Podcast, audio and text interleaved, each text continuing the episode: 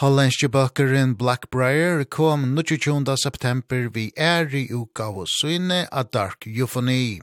Og i som samband i her vet finnes jo åri av tvoira Limonon, åtta kvinnorna Soro Kokk og trommeslåaren René Boksem. De bør jo være røysene la stående bøltjen ur Asen i 2012. Well, actually, me and Renee uh, went to a concert uh, of Slash one day, and the band Hailstorm uh, supported them and I was so impressed that I said to Renee, "Oh, I want to do something like this." Because we were making music before, but it was like more like a dark pop kind of style, so completely different. And that really changed our direction and we started uh, uh trying to search for band members right away. so actually we we first made similar music to that like more hard rock kind of style which really didn't fit me and my voice. but it was what we were inspired by, so that's why we uh, and eventually it evolved into what we are doing now luckily which which I think uh, fits us perfectly. It's the symphonic metal uh, gothic kind of style. Yeah.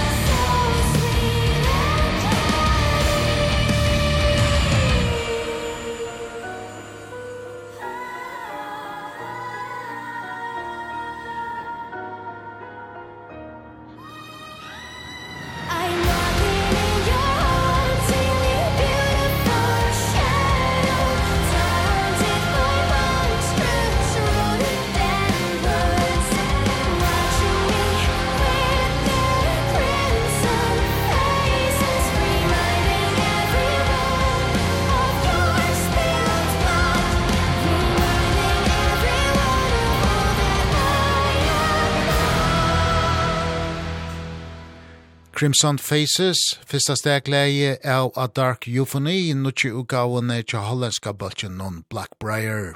Onner holdar utgava torra ver tøk nukki tjunda september.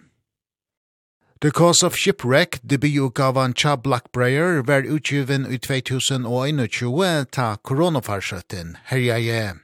Og hetta vær sjåvande ikkje optimalt er det hei bei Sora Koch og René Boxem samt om. Men utkje utgavan heu finnje agauan av løgne tøyene vidt at langre tøyarskoi livdu ui. Sometimes very difficult, uh, like making music videos and stuff. Uh, we had to cancel a lot because someone got sick and that that was very difficult but actually we did have uh all the time to dive into the songwriting a complete bubble for us and uh create this album so that was actually good yeah. yeah. the only upside was that yeah, that yeah. we had the time uh yeah exactly so the process start working on this album when the pandemic was over the world you know parts of it were written written during the pandemic but mostly out of the pandemic Yeah. So yeah, it's it's been it's it's been for us at least it's been a productive like two and a half years. So yeah, but it also sucked, you know, you couldn't play live, but that yeah. didn't mean that you had more time for the album. So we just kept writing. Vi har finnst gesten i Requelt, Soro Kokk og René Boxem a greia fra nøkna av sangen av A Dark Euphony. Og første sangeren til tag og knudjøknon er Far Distant Land. Oh, it's actually one of both of our favorites. um, and it's my tribute uh, of my favorite TV series called Outlander. And uh, that's why it has a very strong folky vibe, which I really love as well because uh, I also listen to like folk music. On the hill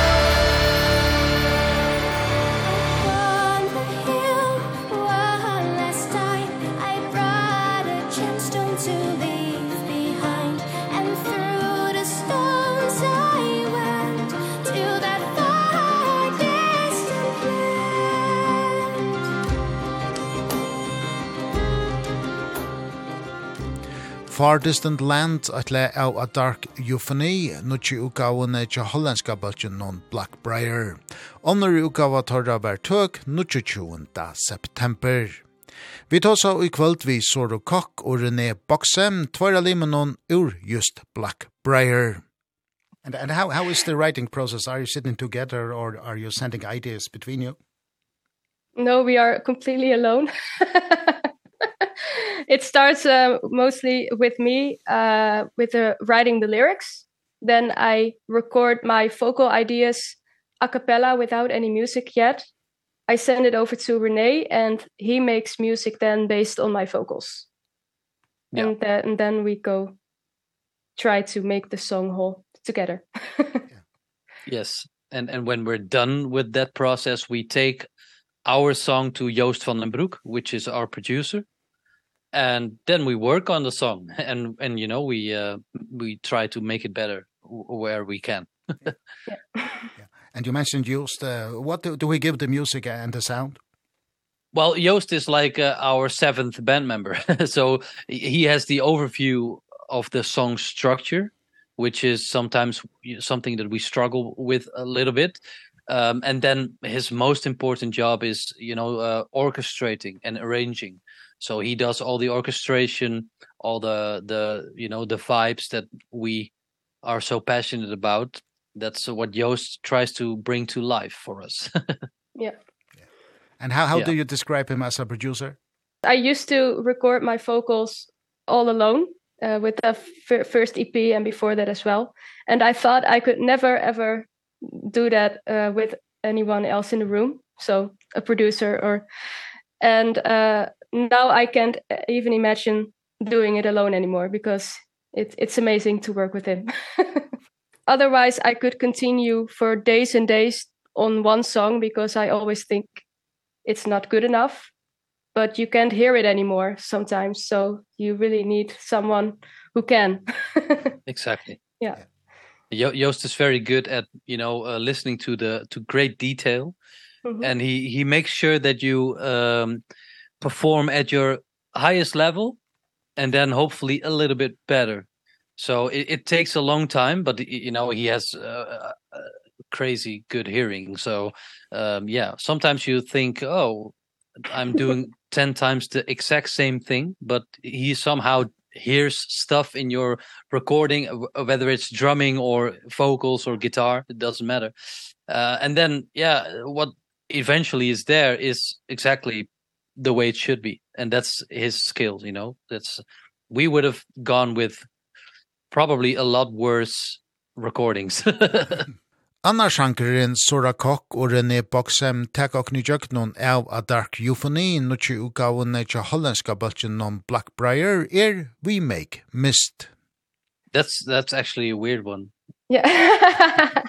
like like one of my favorites actually. Yeah, yeah, yeah, but, mainly because of the vibe, but Yeah, it has a very unique uh, vibe, I think. Yeah, I really love it. But um it's uh, sort of about the personification of fire and ice falling in love and I started imagining what that would look like, how that would sound like and how that would smell like, like these kind of thoughts. And um so this whole song is a fusion of fire and ice uh, to uh, yeah, combined together. And it I think it turned out with a very eerie sound which I I uh, intended to in the first place.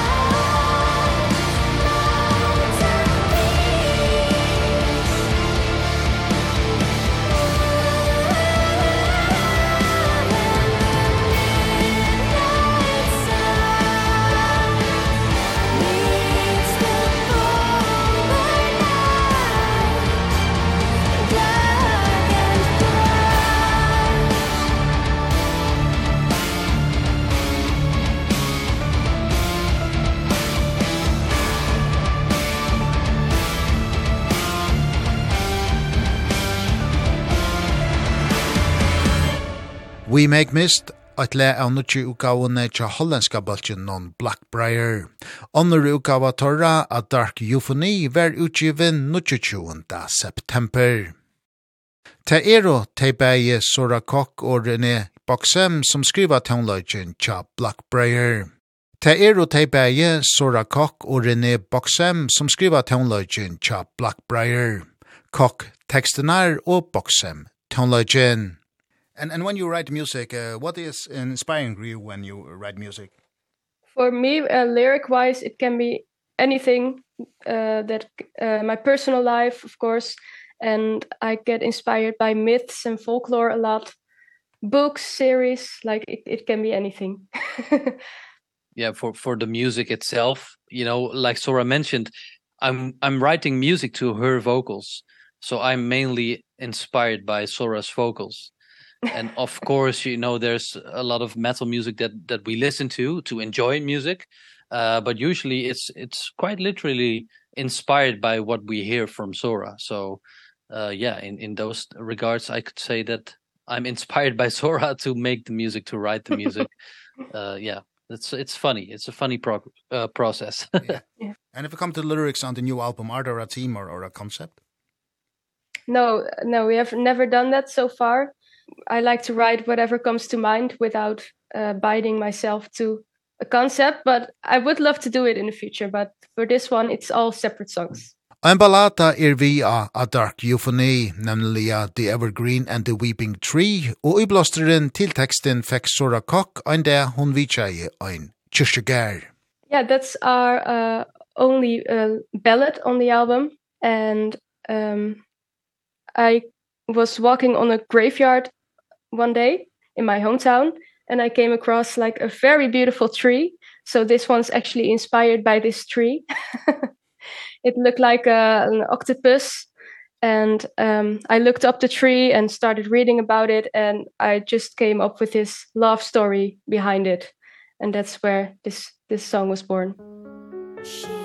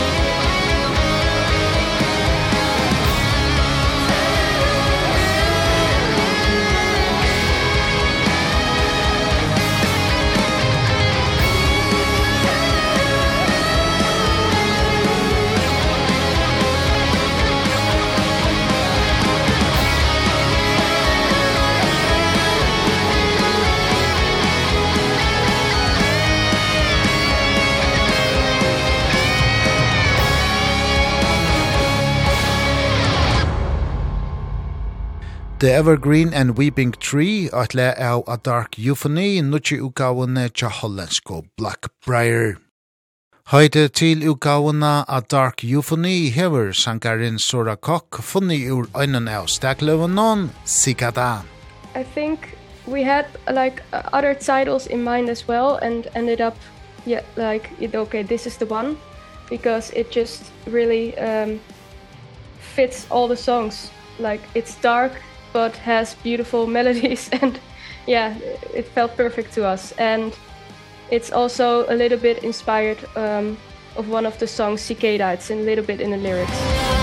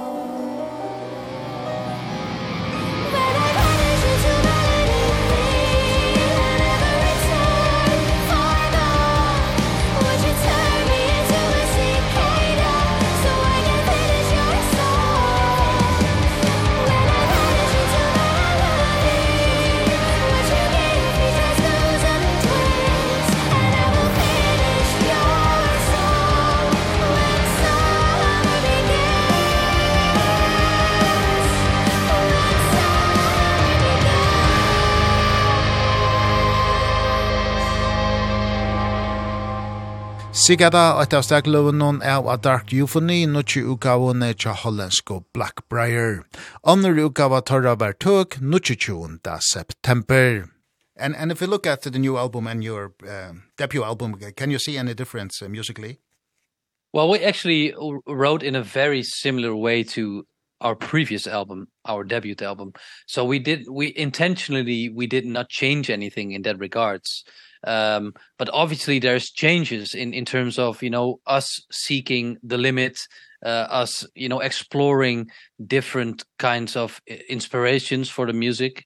Uh you know this uh, new album also has some folky stuff. It has some uh yeah i don't know how to call it but it is some songs are very dark. The others sound very happy and so it, it's it's a high contrast album if you ask me and you know we we did everything that felt good to us to explore certain parts but in terms of songwriting it's quite similar to our previous album. Yeah. don't change a winning team. No, no that's it. and now the album will be released. Uh, what happening next for the band? Are you going on tour or?